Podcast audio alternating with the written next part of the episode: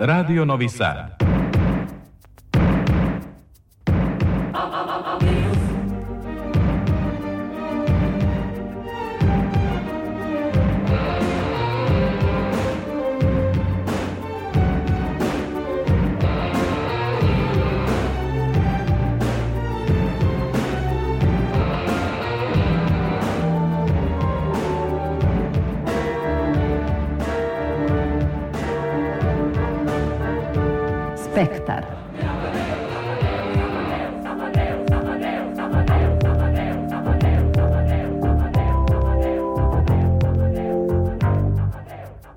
Spektar.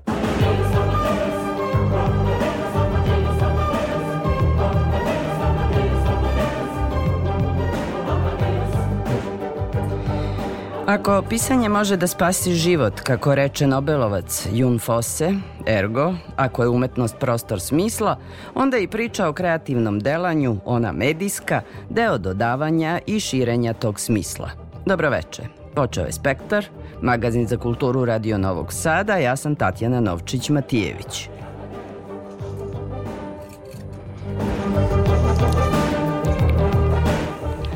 I evo šta večeras možete slušati u narednih sati po vremena. Filip Grujić u rodnom Novom Sadu predstavio svoj treći roman i onda opet iz početka, koji su kritičari ocenili kao prvi kompleksni milenijalski roman u srpskoj književnosti. Sonja Radaković performansom Previše si stara kritički progovorila o represiji tržišnog i obrazovnog sistema. Predstavljena monografija priča o novosadskim jevrejima – otvorena izložba o staklu u Muzeju Vojvodine. Sagovornik spektra je Zoran Paunović, univerzitetski profesor, prevodilac, esejista, upravo o prirodi i moći nemoći te forme. Vodimo vas u Čačak, nacionalnu prestonicu kulture, posebnom pričom o nameri da se sećanje na Sonju Savić e, kreativno i dugotrajno sačuva u konstituisanju multimedijalnog centra za mlade umetnike.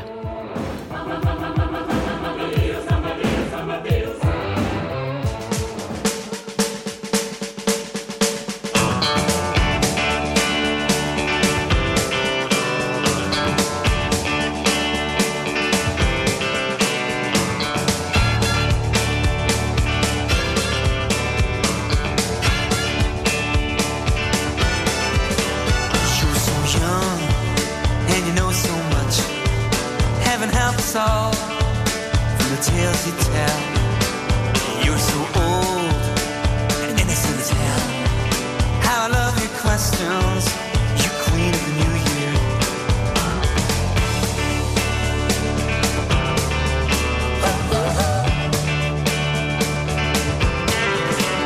You're so young and you know so much. My mind's not made up about the way.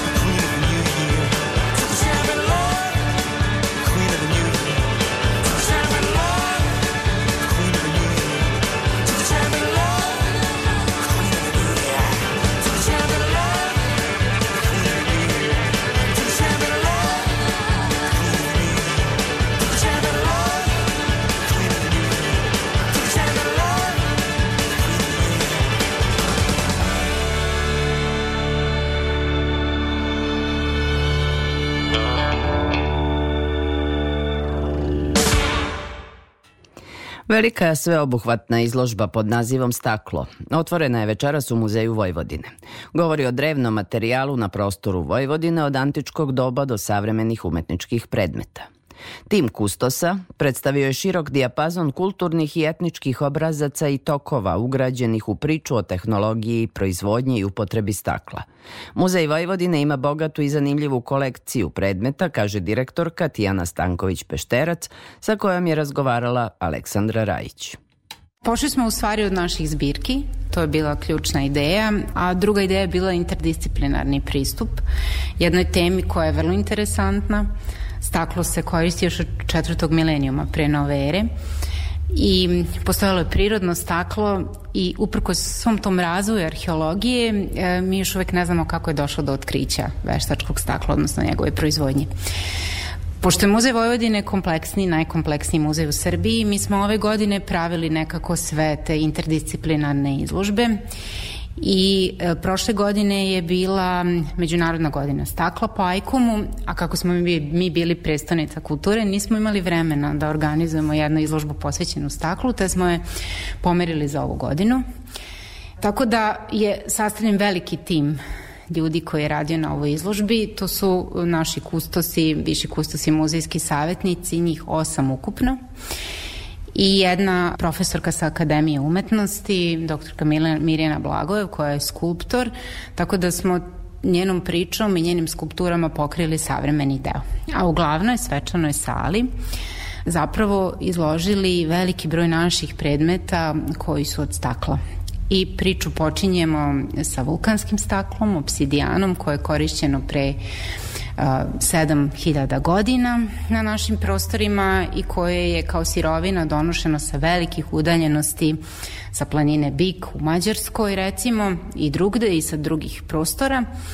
I od te sirovine se pravi, pravile su se, okresivale su se alatke pravili su se noževi, sečiva, strugači, um, razne strelice Obsidijan je vrlo interesantan materijal koji se danas koristi recimo u hirurgiji oka e, i alatke, odnosno instrumenti e, za hirurgiju napravljeni od obsidijana se smatraju izuzetno oštrim i izuzetno preciznim. U njih su rezovi, tako reći, savršeni i mnogo lakše zarastaju, tako kažu lekari.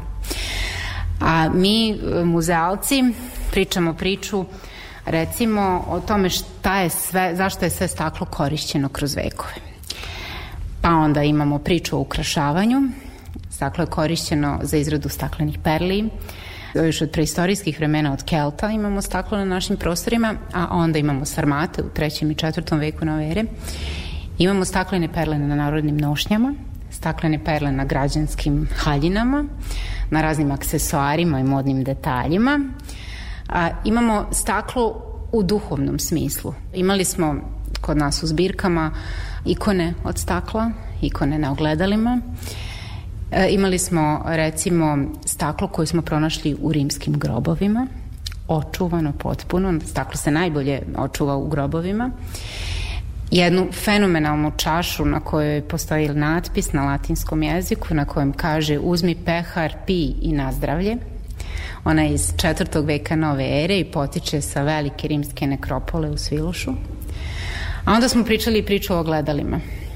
Imamo rimska olovna ogledala koja su izuzetno malih dimenzija. U muzeju se čuva 71 primerak, potiču uglavnom sa, sa lokaliteta Gomolava u Hrtkovcima i mi ne znamo čemu su tačno koriši, služila. To je uvek onaj interesantni detalj u arheologiji kada ne znate čemu je služio neki predmet. Mi mislimo da su to votivni darovi, zavetni darovi bogovima. A ukoliko su naloženi u grobovima, onda su verovatno služili za prenos duše na onaj svet. To je neka onako interesantna priča kad se ogledala u pitanju. Uh, Tu je i vrlo interesantna priča o čuvenom mozaiku, o čuvenom vitražu u drugoj, na drugoj zgradi u Dunavskoj 37. To je e, vitraž koji je napravio Zoran Pavlović 1971. godine za potrebe um, objekta um, Muzeja socijalističke revolucije Vojvodine.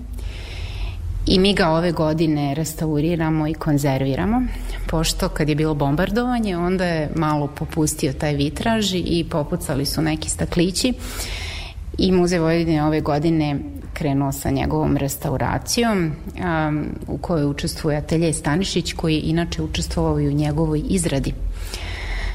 Može se jako puno zanimljivih predmeta videti na ovoj postavci.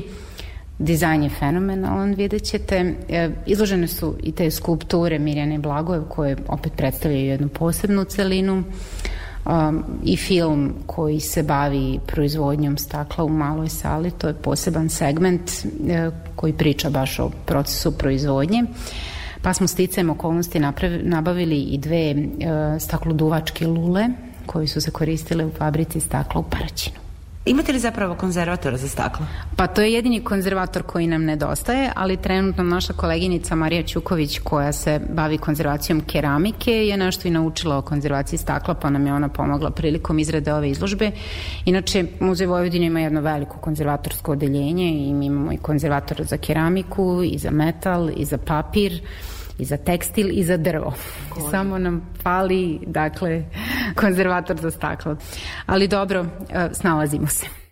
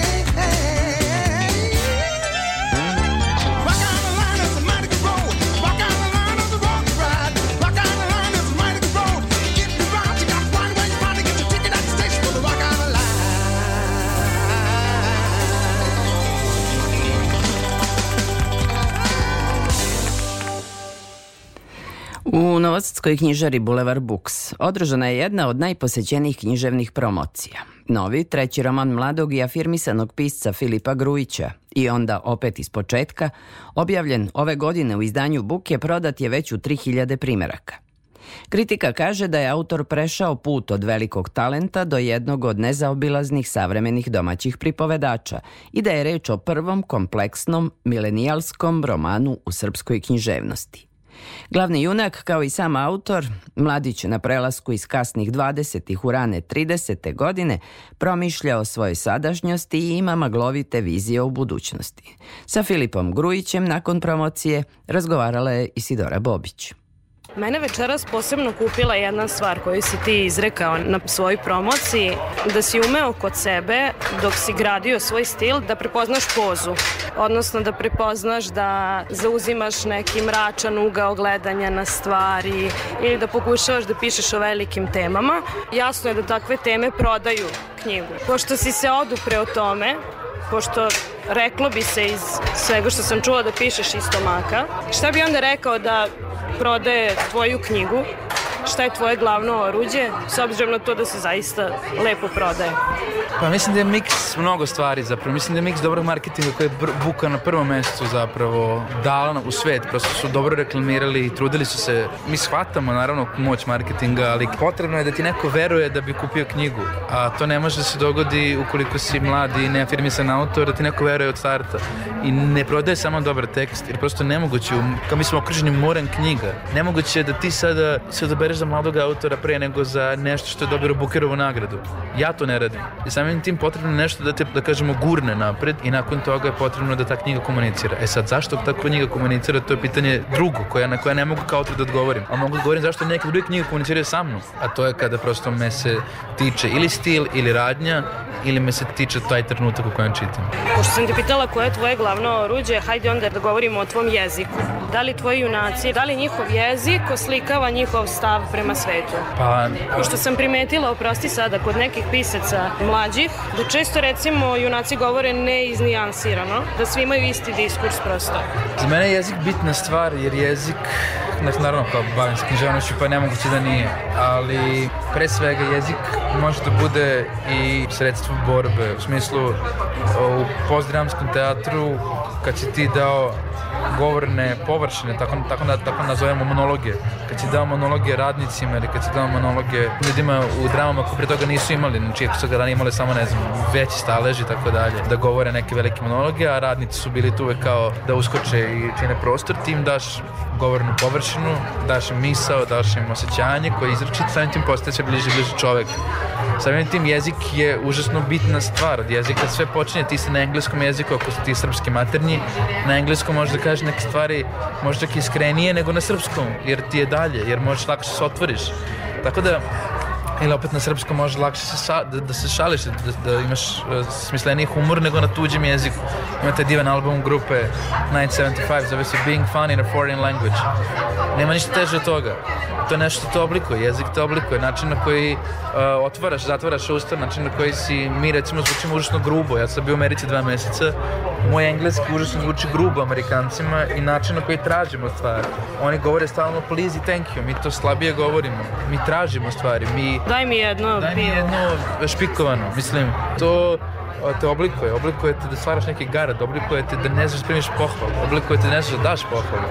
Užasna je stvar jezika, onda književnosti je stvarno pitanje ko šta želi, neko želi da mu jezik bude grub, neko želi da mu bude jezik nežan, neko želi da ima duge na kratke rečenice, to je sve svesna odluka. Moja svesna odluka je bila da prvi roman bude dugim rečenicama, da ovaj bude u nekom mešavini raznih. Ali to su odluke koje ti kao autor moraš da budeš svestan, to ti je posao. Posao ti da rečenice praviš misao.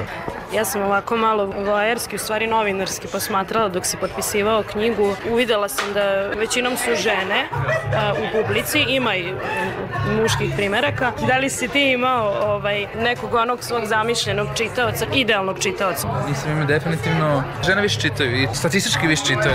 Čak i da nije to, žene prosto su uvek, devojke su pratile, da kažemo, muzike, muzičku scenu su dizale. Znači, Beatles ne bi postojali bez žena, Stonesi, bilo koji band, Rihanna, nebitno, da idemo na, na, na 21. vek. Niko od zapravo umetnika ne bi postojao bez ženske publike.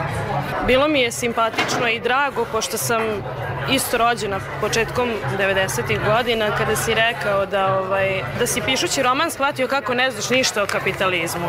Na promociji sam shvatila da ljudi ulaze u te neke generalizacije, kao ti si sad predstavnik svoje generacije, kao da si ti sad glas generacije. I sad mi je interesantno kao neko ko nije pročitao knjigu, a namerava, volim sinhronicitete. Ja sam uzela da je otvorim na kao bilo kojoj strani, da vidim šta, šta će mi se otkriti i pročitala sam ovo. Nikada svoju porodicu ne bih nazvao religioznom, ali ne bih je nazvao ni ateističkom. Još jedna u nizu nedefinisanih stvari. Kao kad bih probao da opišem sebe, niti sam srećan, niti nesrećan, pomalo sam ogorčen, pomalo besan, često uzbuđen oko stvari kojima ne znam razlog, još češće neodlučan i očajan, što ne mogu da budem na više mesta u isto vreme, ali na medicinskoj skali ja sam nedefinisan. Da li je to nešto što bi možda moglo da i odlikuje uh, glavnog junaka i pripadnika generacije koja pliva u tom kapitalizmu, a ne, ne shvata na kojoj je strani? Mislim da je to odlika prosto toga da mi nismo čitali Marksa i Kapital kako su morale generacije pre. nismo čitali ni Bibliju kako su morale generacije pre pre toga. Jako smo slabo teorijski potkovani. Prosto moramo da uh, shvatimo da, da moramo da imamo više znanja da bi nečemu pričali. I sad zbog toga ja stalno insistiram na tome i pozivam na tu vrstu odgovornosti da ne govorimo u prazno i da ne govorimo floskule. Da, ne, nedefinisani smo, u smislu ja sam nedefinisani dalje, što ne znači da neću biti definisan u nekom trenutku, ali opet, što ne znači ne želim da uvek pripadam nekoj strani. Za sada sam nedefinisan i to je, niti sam religiozan, niti sam ateističan, niti verujem, niti ne verujem, da kažemo, u Boga, verujem u nešto definitivno što postoji, što me drži živim, ali to je nekako čini mi se odlika. Naravno da ne pričaš u ime generacije, ali se ljudi pronalaze. Ljudi, ljudi tu, evo, ja sam se pronašla u jednom pasusu, da. Kaži mi za kraj, da li čitaš nekog od svojih vršnjaka pisaca? Sada čitam Nađu Petrović, Meduze žive za uvek. Ona mi je koleginica sa dramaturgije, zapravo ona je godin dana mlađa od mene. Čitam to i čitam Osvajanje sreće od Bernarda Russella, koji definitivno nije moj savremenik, nego neko ko je živeo pre 100 godina. Želim ti svu sreću i hvala ti što si govorio za Radio Novi Sad. Hvala tebi na pozivu. you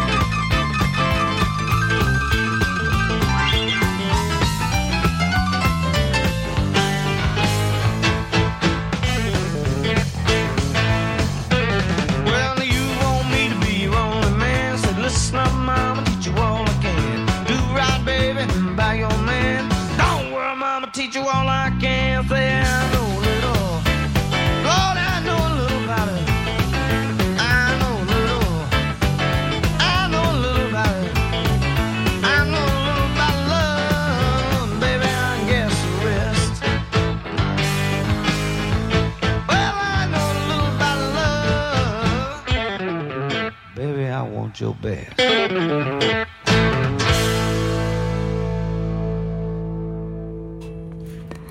Slaviša Grujić i Dejan Petrović priredili su kapitalnu monografiju o novosadskim jevrejima, od njihovog doseljavanja u grad pre tri veka do danas, na 350 stranica sa obiljem arhivskog materijala i fotografija.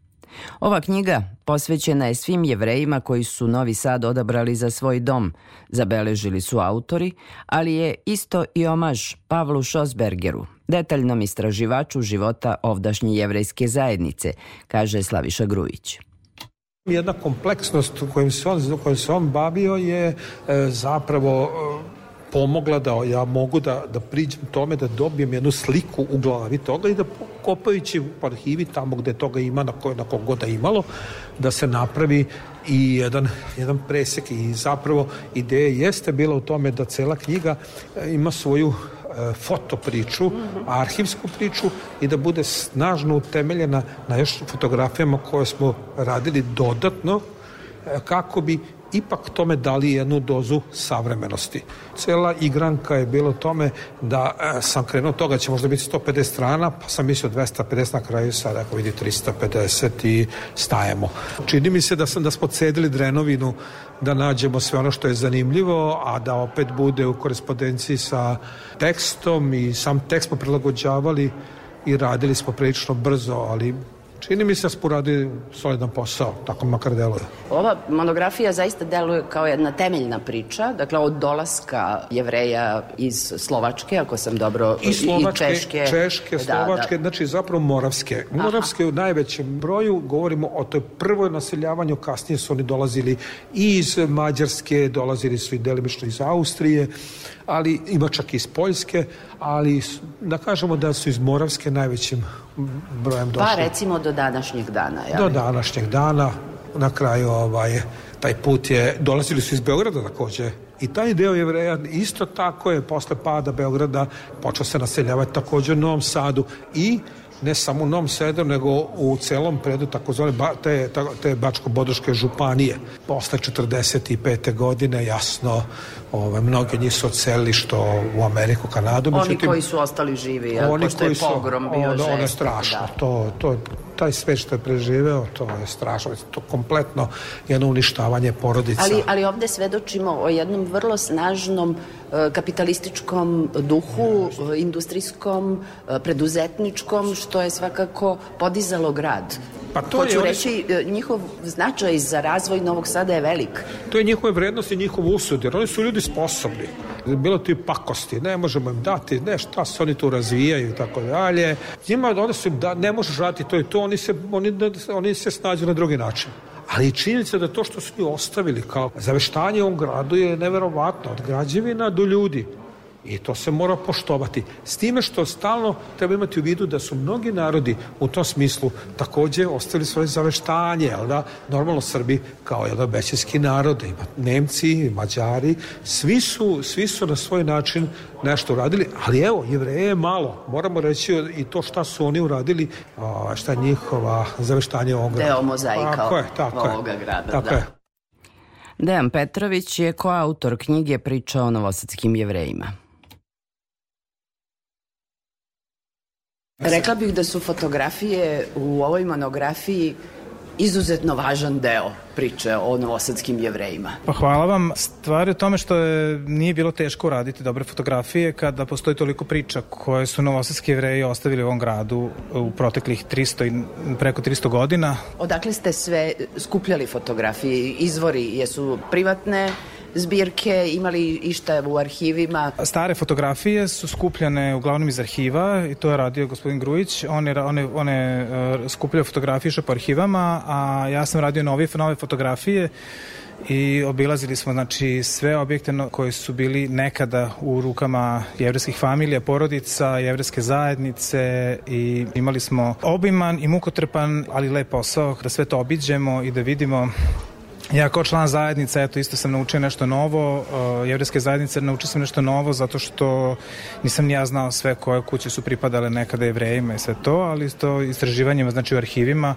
smo našli kome to pripadalo i onda smo obilazili i fotografisali, tako da i ovo je jedna mislim jedna stvarno temeljna knjiga, temeljno urađena knjiga koja će eto ostati, ja se nadam, kao pokazati jednog života jevreja ovde najviše do drugog svetskog rata. Ova monografija je naravno pre svega važna za jevrijsku zajednicu koja je sticajem nesrećnih istorijskih okolnosti mnogo u manjem broju nego što je bila pre drugog svetskog rata, ali je ovo dragocena knjiga i za istoriju grada. Samom činjenicom da su jevreji zaista bili važan činilac života u Novom Sadu.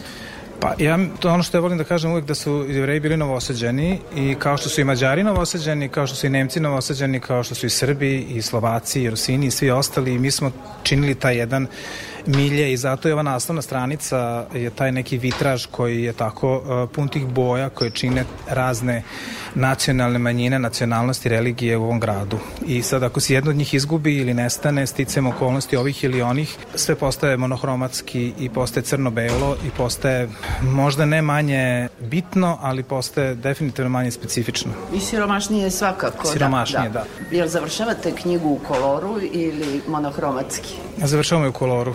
Mada je po me, ono, neka tendencija da će evreska zajednica verovatno za nekih 40-50 godina verovatno prestati da postoji u tom nekom načinu na koji dan danas postoji, sve će se to utopiti nekako, ali dobro, to tako treba, valjda tako je sad, takva je situacija, ali završavamo u koloru, pa sad vidjet ćemo, nadamo se.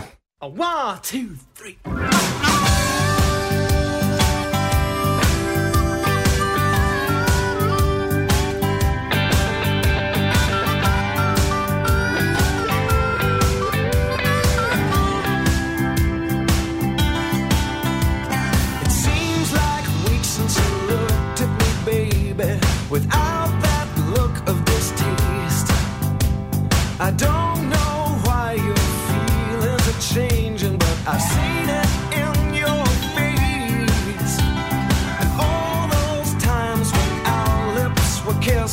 Our tongues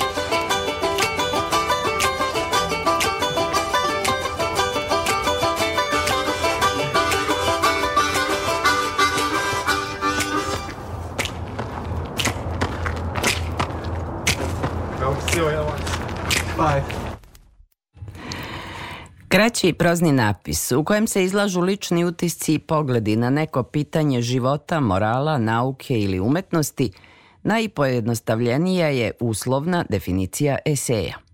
Teoretičari kažu još i da njegovo polje nije jasno određeno budući da stalno lebdi između tri različite oblasti – književnosti, novinarstva i nauke.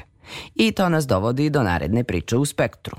Naime, Srpski PEN nedavno je organizovao regionalnu konferenciju upravo posvećenu eseju. Koliko je on danas prisutan, značajan, da li je savremena tehnologija dovela u pitanje njegovu formu? Sve su to pitanja za Zorana Paunovića, univerzitetskog profesora i esejistu. Kome je danas esej potreban u ovoj već sad trećoj deceniji 21. veka? To pitanje je slično pitanju kome je danas potrebna književnost, pa i odgovor je sličan. Potrebna je pre svega onima koji je pišu.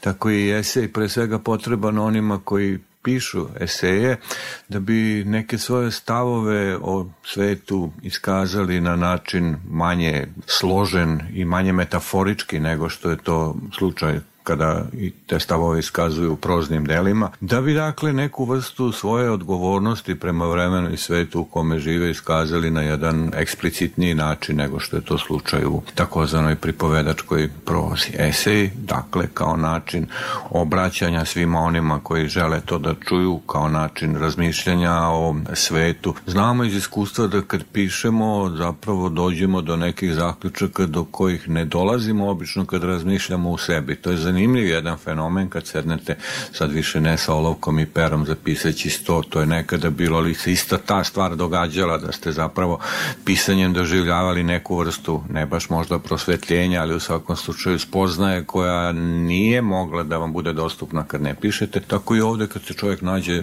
danas pred belim ekranom i tastaturom koja treba da mu pomogne da ispuni taj ekran smislenim e, sadržajem, neko čudo se tada događa i onda počnete da proničete, ako imate sreće naravno, ako imate dobar dan, počnete da proničete u suštinu stvari koje niste ranije razumevali na takav način. Tako da je esej, dakle, i etimologija termina esej vodi ka značenju pokušaj. Tako da je esej zapravo jedna vrsta pokušaja najpred da se bolje razume fenomen o kome u eseju razmišljamo, obično je reč o nekom društvenom fenomenu i potom pokušaj da se to kaže u jednoj literarnoj formi tako je da će dakle čitocima pružiti osim spoznajnog i estetsko zadovoljstvo. Sa druge strane, Istorija ispisivanja eseja u srpskoj književnosti konkretno je duga, bogata i plodna. I rekla bih na izuzetno visokom kvalitetu. Mnogi savremeni pisci referišu na pređašnje eseiste, mnogi pisci pišu eseje, te tako nastavljaju taj niz. Ali sa čitalačke strane eseji, recimo sa čitalačke strane onog sloja ljudi koje zanima kako ljudi promišljaju svet, esej je prilično nevidljiv ukupnoj ponudi tekstova i sadržaja. Nema se ta jaka moć naspram izdavača i marketinga da bi eseji bili vidljiviji. Slažem se sa tim zaključkom da su eseji manje vidljivi iz razloga koje ne smatram naročito opravdani. I tačno je to da smo u prošlosti imali i da i dan danas imamo izvrsnih eseista, čije je eseističko stvaralaštvo, jer reče obično o pripovedačima, piscima koji pišu i e, dakle prozu, najklasičniju prozu, romane, pripovetke, da je eseističko stvaralaštvo takvih poznatih, velikih, značajnih ili jednostavno dobrih pisaca uvek u senci njihovog stvaralaštva koje se smatra osnovnim, a to je prozno stvaralaštvo, pripovedačka, imaginativna proza. E sad, zašto je to tako? Možda delimično i tu igraju ulogu predrasuda o tome da je esej, da je esej manje atraktivan, manje zanimljiv za takozvanu široku publiku, opet tu dolazimo do pitanja definisanja šta je to široko široka publika zapravo. Šta je to široka publika kada govorite o Borislavu Pekiću, ako izuzmemo njegove one žanrovske romane koji stvarno imaju široku publiku, ali oni su jedan odeljeni segment njegovog stvaralaštva i da li takvu publiku koja čita Pekića kao proznog pisca zaista manje zanima Pekić kao eseista ili da li publiku koja poznaje Kišov prozni opus, onaj pripovedački prozni opus, manje zanima Kišov esej od e, njegovih tih proznih dela kojima se proslavi.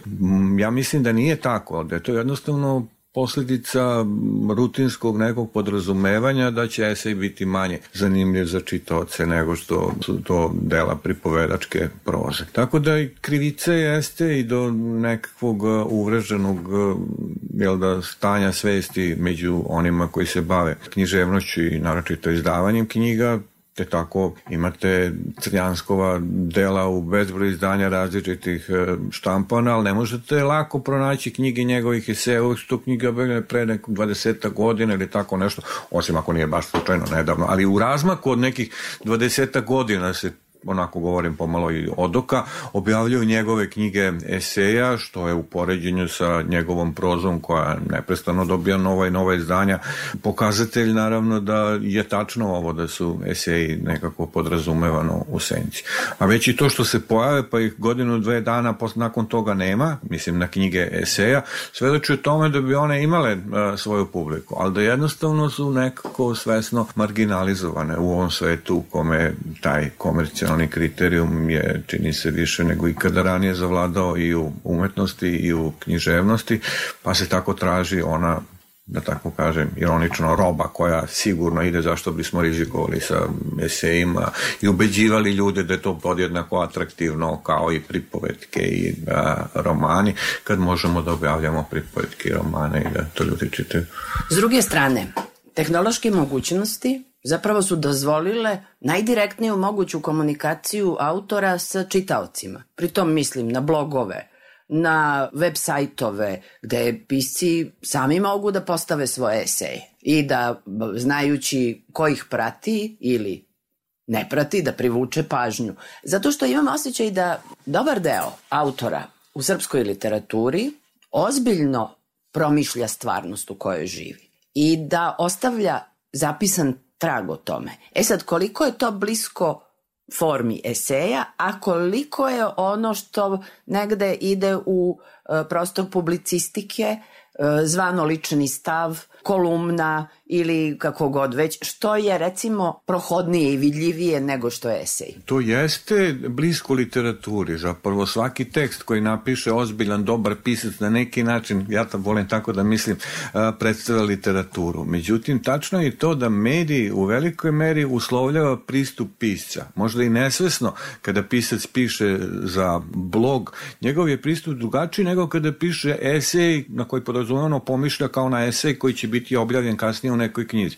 Mi imamo danas izvrsnih e, eseista, poput recimo Radoslava Petkovića, poput e, Dragana Velikića, da ne nabrajam dalje, ogrešiću se o mnoge koje neću spomenuti, ali eto dva primera koji takođe objavljuju ili su objavljivali u dnevnoj štampi ili e, na, na portalima i ako pogledate tekstove koji izlaze u knjigama, osim kada je reč o sabranim tekstovima sa portala i sa interneta i iz bloga, tekstovi koji su namenjeni knjizi i koji su kao takvi objavljeni, tu postoji razlika jednostavno. Ponavljam, nekako se i podsvesno pristup pisca podešava mediju za koji tekst izvorno nastaje. Konkretno to znači da se nastoji da oni tekstovi eseističko, publicistički, budu malo više publicistički onda kada se objavljaju na internetu, zato što bi trebalo da budu pristupačni, intelektualno pristupačni, što je moguće širem krugu čitalaca. Knjigu će kupiti onaj ko, ili pozajmiti iz biblioteke, svejedno onaj ko zna ko je pisac i ko zna šta je esej i ko zna šta da očekuje od eseja određenog pisca, a blogove će mnogi pročitati slučajno zato što su naleteli na njih i onda to je pokušaj da se uhvati možda još neki čitalac.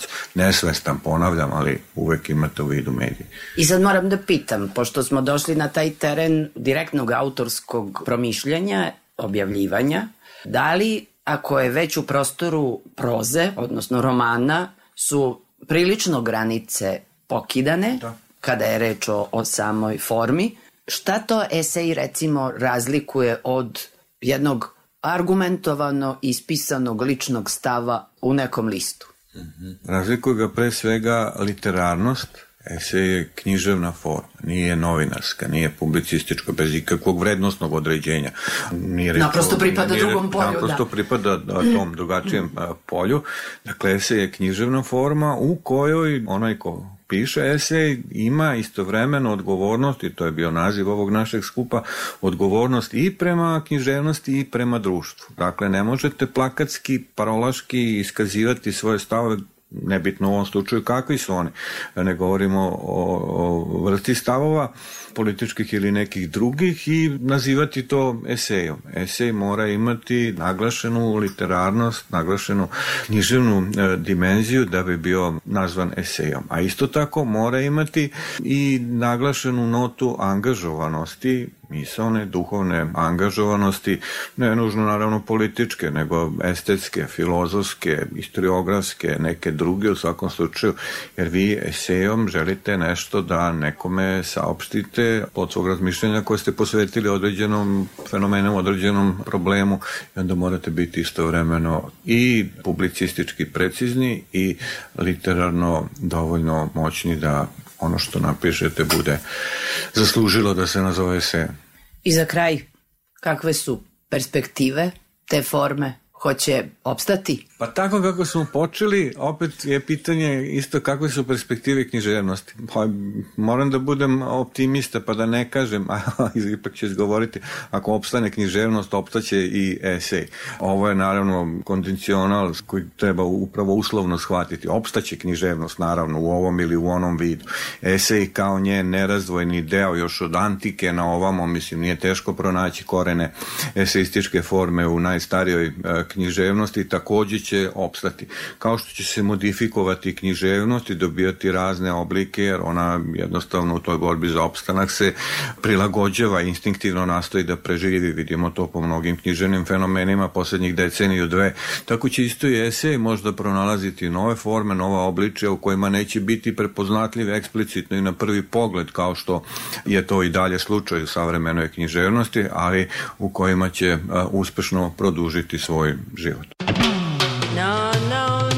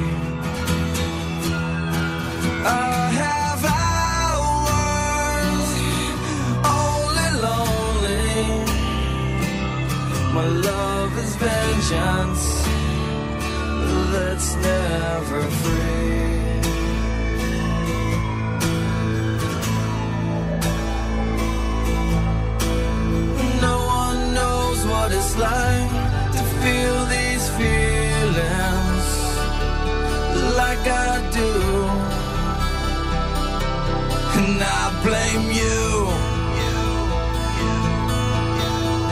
No one bites back his heart on their anger. None of my pain and woe can show through. But my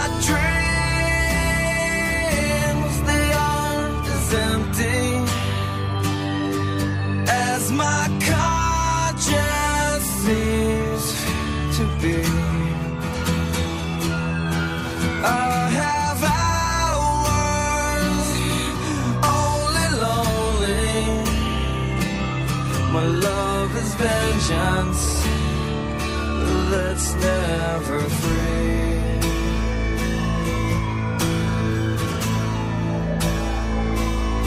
Discover.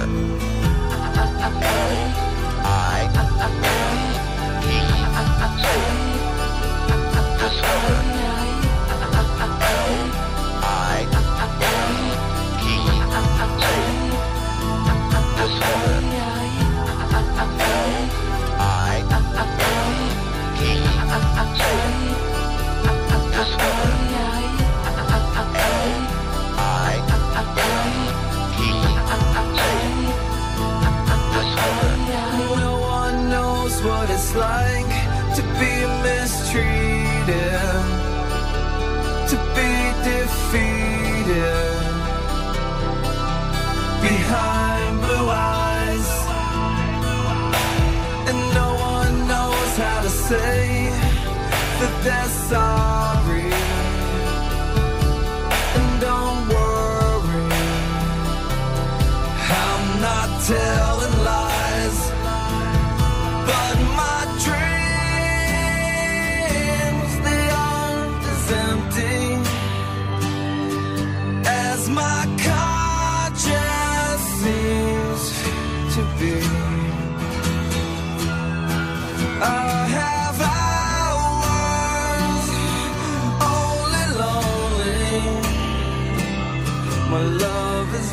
vengeance that's never free.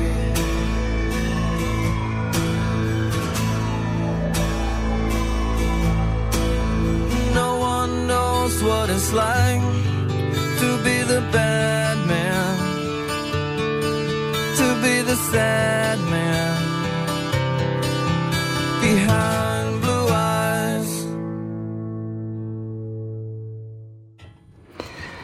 Previše si stara. Fraza je koja diskriminiše žene u mnogim aspektima života. Ujedno je i naziv performansa umetnice Sonje Radaković u galeriji Udruženja likovnih umetnika Vojvodine.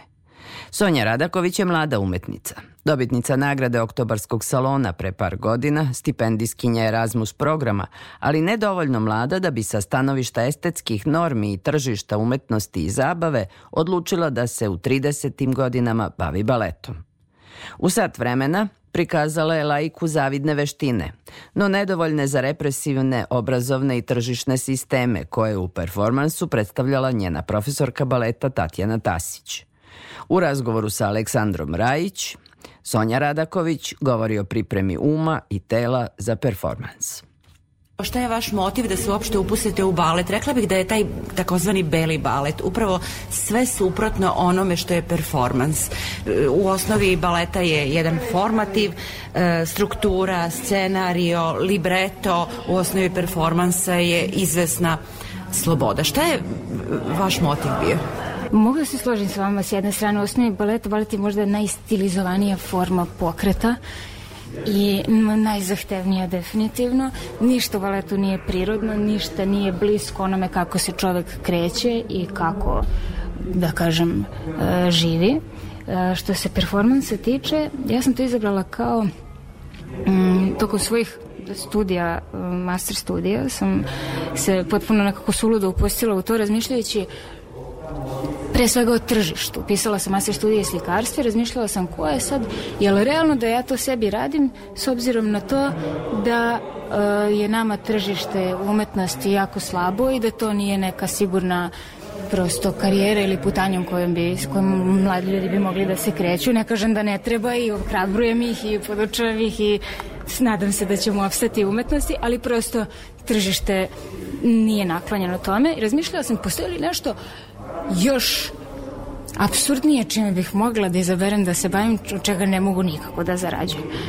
I tako sam nekako došla do klasičnog boleta, nisam tada imala pojma šta je to, stala sam u prvu poziciju, pala, bilo je jako teško i onda sam pomislila da zapravo želim sada da se, da krenem da se bavim tom jednom apsolutno besmislenom i neprofitabilnom granom u ovim godinama koje kao ne mogu... Koliko godina se već bavite baletom? Pa, ne znam kako kažem, recimo intenzivno poslednjih pet godina sa pauzama, a pre toga sam išla tu i tamo još isto taj neki period, ali onako, rekreativno. Nekako je to raslo malo po malo, povećavao se ovaj, nivo ideje i izazova i neko, meni to sad služi za razmišljanje dosta i evo sada sam iskoristila tu veštinu u performansu da suprostavim neke da kažem tenzije kako u umetnosti tako i u životu. Ono što smo gledali večeras, to je vaše izvođenje, vaše sjajno izvođenje, ako ja kao laik mogu toga da kažem.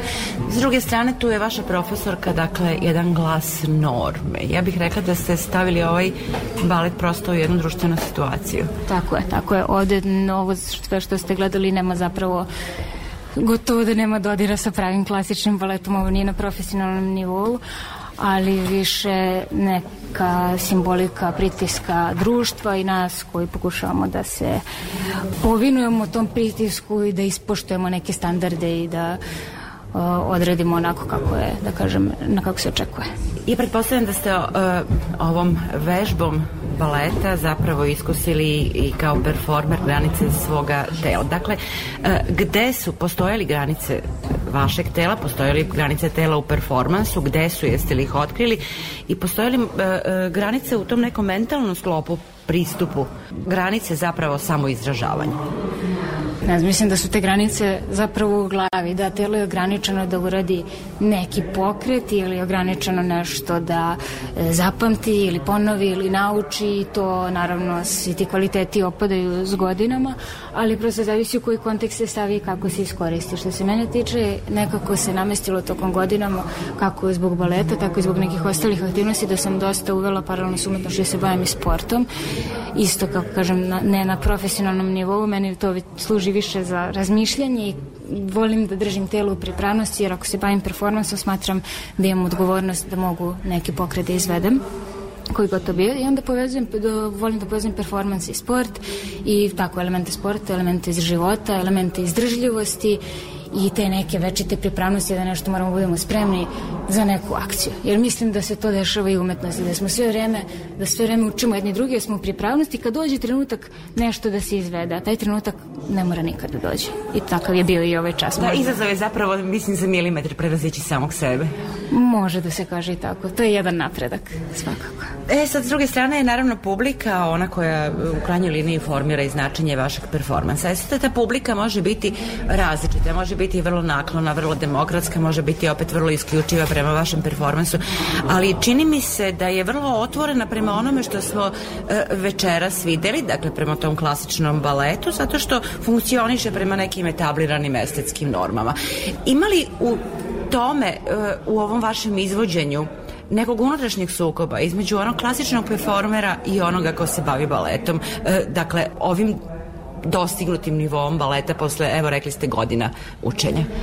A, pa, baš mi je lepo pitanje. Mogli bih da kažem da ima, jer u baletu vi, mislim, kako što ga više učite, sve više znate kako to treba da izgleda i ka čemu težite, sve više očavate i svoje i tuđe greške i tome nema kraja. Profesionalni baletski igrači, oni mislim da su još većoj agoniji, koliko vide još pogotovo kako do, dostignu neki vrhunac u tim e, snagama telesnim i, i naporima, nekako telo u jednom trenutku im da dostigne svoj vrhunac snage, onda to krene polako, izvinite, dopada, može da se kompenzuje tehnikom i iskustvom, ali prosto kako opada, gubi se snage, mislim da se tu čak najviše oseti kao taj, da kažem, neki gubitak. Što se mene tiče, ja bih volila, uvek bih volila da je ovo na mnogo većem, višem profesionalnom nivou, uh, baš zbog tog klasičnog baleta, ali ovo, ovakva je situacija. Evo malo pred smo baš razgovarali e, pa smo konstatovali da je performans u Novom Sadu zaista redkost, apartna pojava kako se kaže, u Beogradu tu i tamo ima i festivala i izvođenja. Vidite li uopšte tu uh, scenu performansa u Novom Sadu, uh, na ko, kako, na kome počiva, gde se odvija, ja je ne vidim. Pa jako malo ima performera, to jest ljudi koji se bave performansom u Srbiji generalno. Tako da se ta scena, ja tu ne delim scenu na Novosadsku, na Beogradsku, na Knjaževačku, Vranjsku i tako dalje, prosto pošto nas je jako malo, mi smo tu ko jedna ekipa, da kažem, i to je performans. Sad, da li ga ima u Beogradu ili u Novom Sadu, evo sad je bila prilika da se izvede u Novom Sadu, ja se zahvaljujem galeriji što je dovoljno otvorena da prosto prihvata sve medije ovde i što podržavaju taj način izražavanja. I nadam se da će nekako performans tokom vremena možda biti sve bliži publici, opsati možda se razviti u nešto još uzbudljivije, da kažem. Mislim, mnogo vremena i truda ste uložili u novu veštinu. E, sad ste, ako se tako može reći, i balerina. Govorili ste o tom tržištu. Kad biste bili u prilici ili kad biste morali da se zaposlite, da li biste mogli da se uopšte da se zaposlite kao balerina, da li biste mogli da radite Novi Sad je nekad pri Srpskom narodnom pozorištu imao forum za novi ples. Kakav je sad vaš status? A, što se baleta tiče, moj status je, pa ne znam, jako čudan. Ja sam pre nekoliko godina upisala zapravo srednju baletsku školu, ali nisam nekako stigla da dam te ispite, tako da ne znam šta će se s tim desiti, da valjda ću ih dati u nekom trenutku, ali prosto žela sam da napravim neki vid prekvalifikacije, sad ovo će surovo da zvuči, ali iz jedne besmislene grane umetnosti, baš zbog tog tržišta, u drugu i još besmisleniju. Znači što se baleta tiče, ja apsolutno ne mogu da se bavim klasičnim baletom, da izađem na scenu, ali mogu se trudim da to u opsegu mojih granica bude što bolje.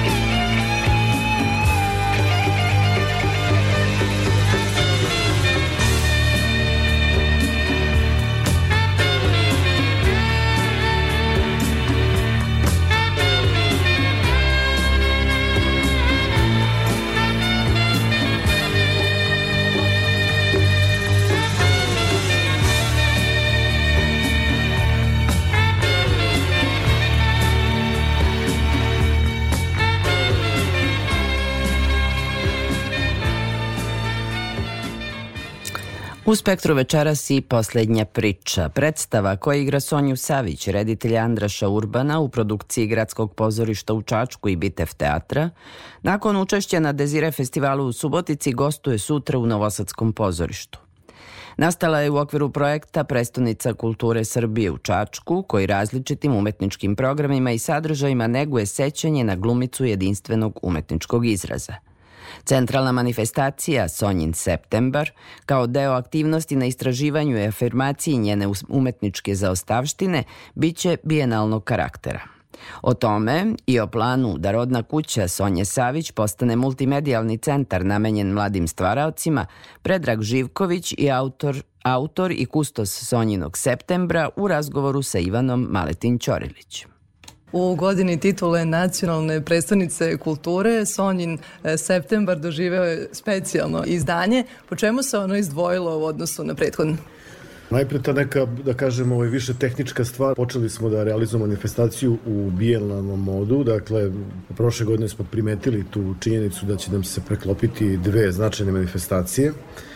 Bijenalna se naime već 60 godina unazad održava memorijal Nadežde Petović kao najznačajnija manifestacija umetničke galerije Nadežda Petrović uh, u septembru mesecu. A Sonjin septembar je zamišljen kao godišnja manifestacija e, i onda smo shvatili da ćemo svake druge godine imati preklapanje tih manifestacija, što nije dobro iz više razloga. Jedan je taj, dakle, tehničko-kadrovski, naše kapaciteti, nažalost, nisu takvi da možemo da e, kvalitetno izvedemo ove manifestacije, dakle, da, da, da ni jedan ne trpi, a s druge strane i vidljivost svake od tih manifestacija se smanjuje ako ih imate dve istovremeno, tako da smo onda odlučili da e, i Sonjin septembar prebacimo u bijenalni način, dakle, ritam održavanja i tako ćemo mislim jednim udarcem dobiti onako dva da kažem dva dobitka nećemo ugrožavati već tradicionalnu manifestaciju Memorijal Nadruža Petrović a Sonji septembar će dobiti na vidljivosti i na, na prepoznatljivosti, na, na medijskoj pokrivenosti, dakle i na prisustvu zainteresovane publike svakog drugog septembra uz učešće dva nagrađena umetnika umesto po jedno kao do sada. A šta je obeležilo ovo izdanje Sonjinog e, septembra? Moram da kažem da e, ta plodna saradnja, jedna kvalitetna saradnja sa Domom kulture Studenski grad kao našom partnerskom institucijom u ovom projektu i Akademskim filmskim centrom kao organizatorom festivala Alternative film i video, da je dakle ovog puta da, ovako u punom intenzitetu video se taj kvalitet saradnje da, da tako kažem.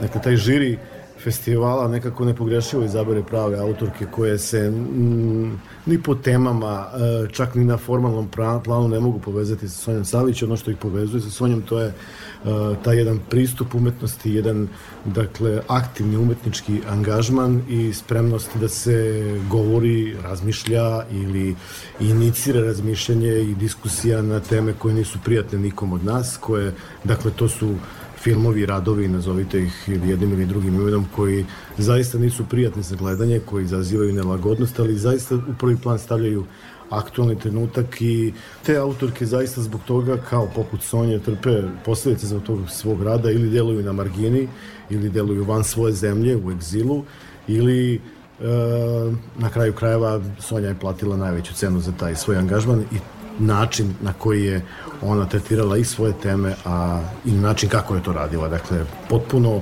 marginalizovana, zato što nije postojalo u tom trenutku želja da se čuje ni to o čemu je ona govorila, a i način na koji je to radila. Da, Sonja Savić je prepoznata kao jedna od e, ključnih figura kulturne scene Čačka u kontekstu projekta nacionalne predstavnice kulture. Kako ste radili na afirmaciji njenog stvaralaštva? Dug je to put bio, da vam kažem. 2011. godine je naša ustanova dobila e, tu njenu umetničku zaostavštinu.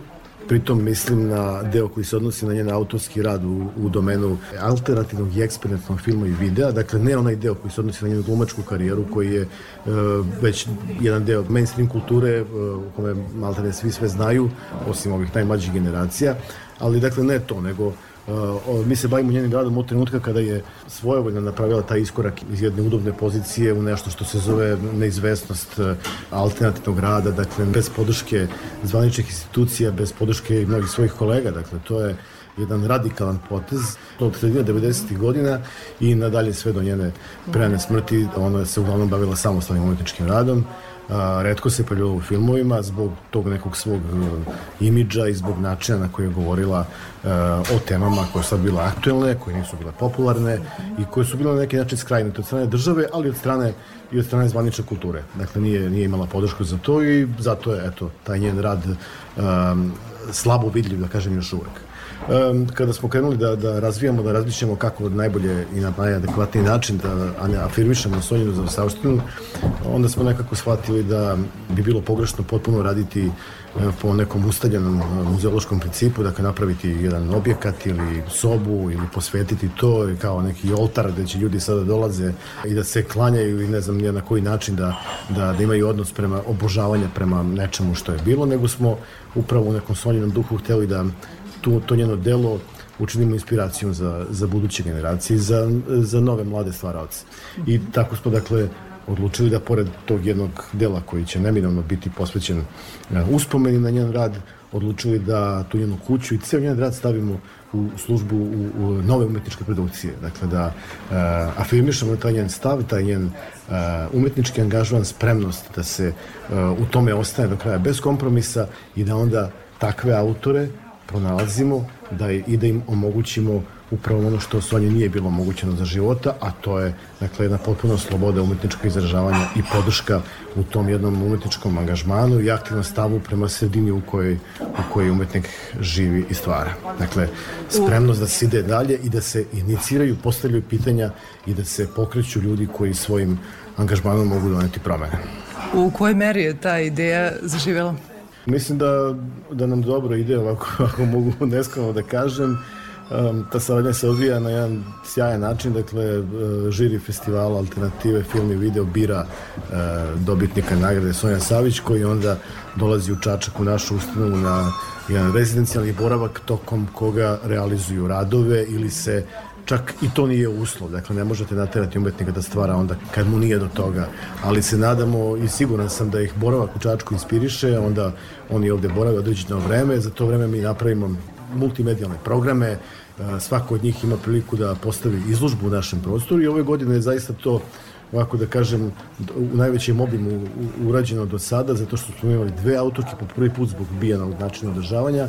Imali smo dva naša izložbena prostora sa dve potpuno različite izložbe, um, sa dve potpuno različite autorke koje vezuje upravo to što sam rekao, dakle, te neke osobine koje možemo i kod Sonje da vidimo, dakle, jedan, jedna spremnost da se uhvati u, u koštac sa najvažnijim i onim gorućim temama koje, da kažem, koje sve nas nekako tište, ali nisu svi spremni da se njima bave na pravi način. Kako Čačak danas e, čuva uspomenu na Sonju Savić?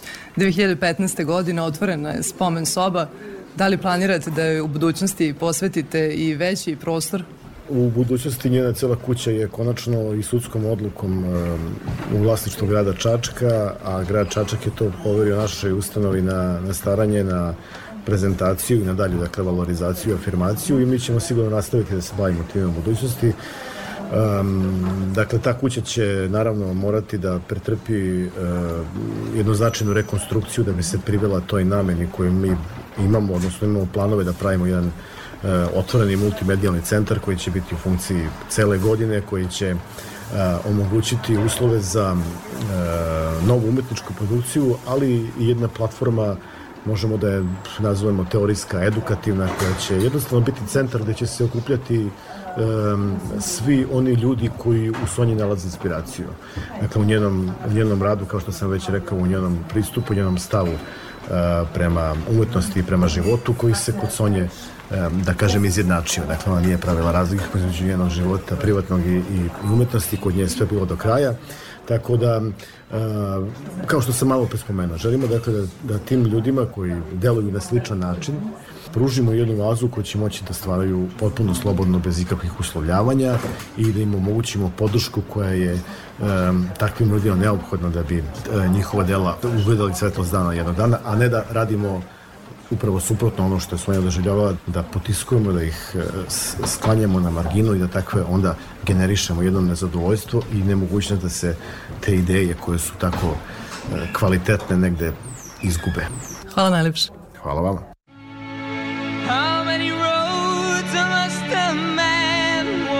Down before you can call him a man. And how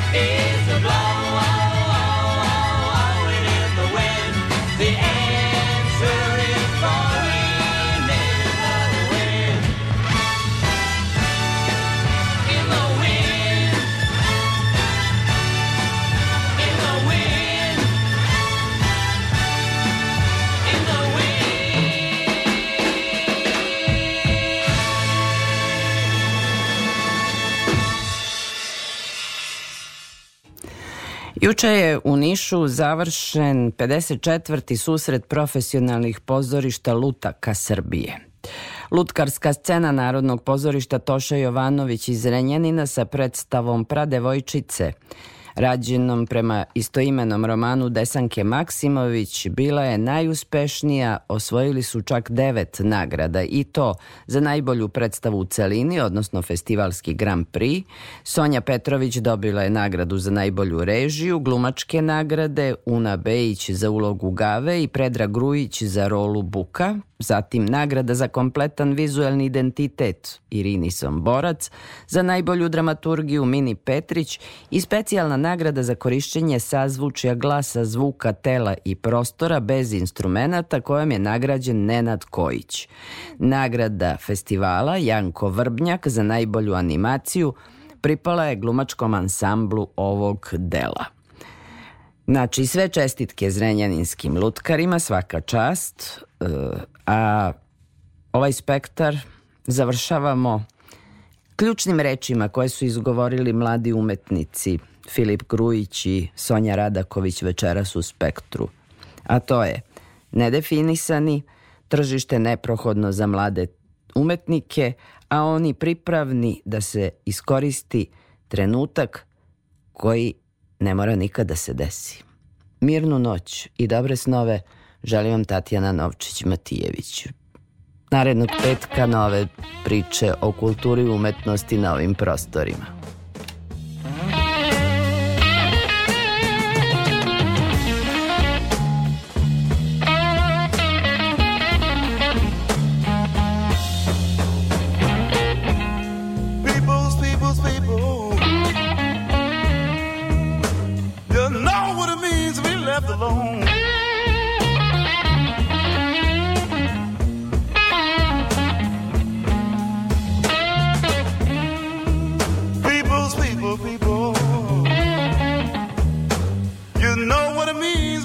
alone.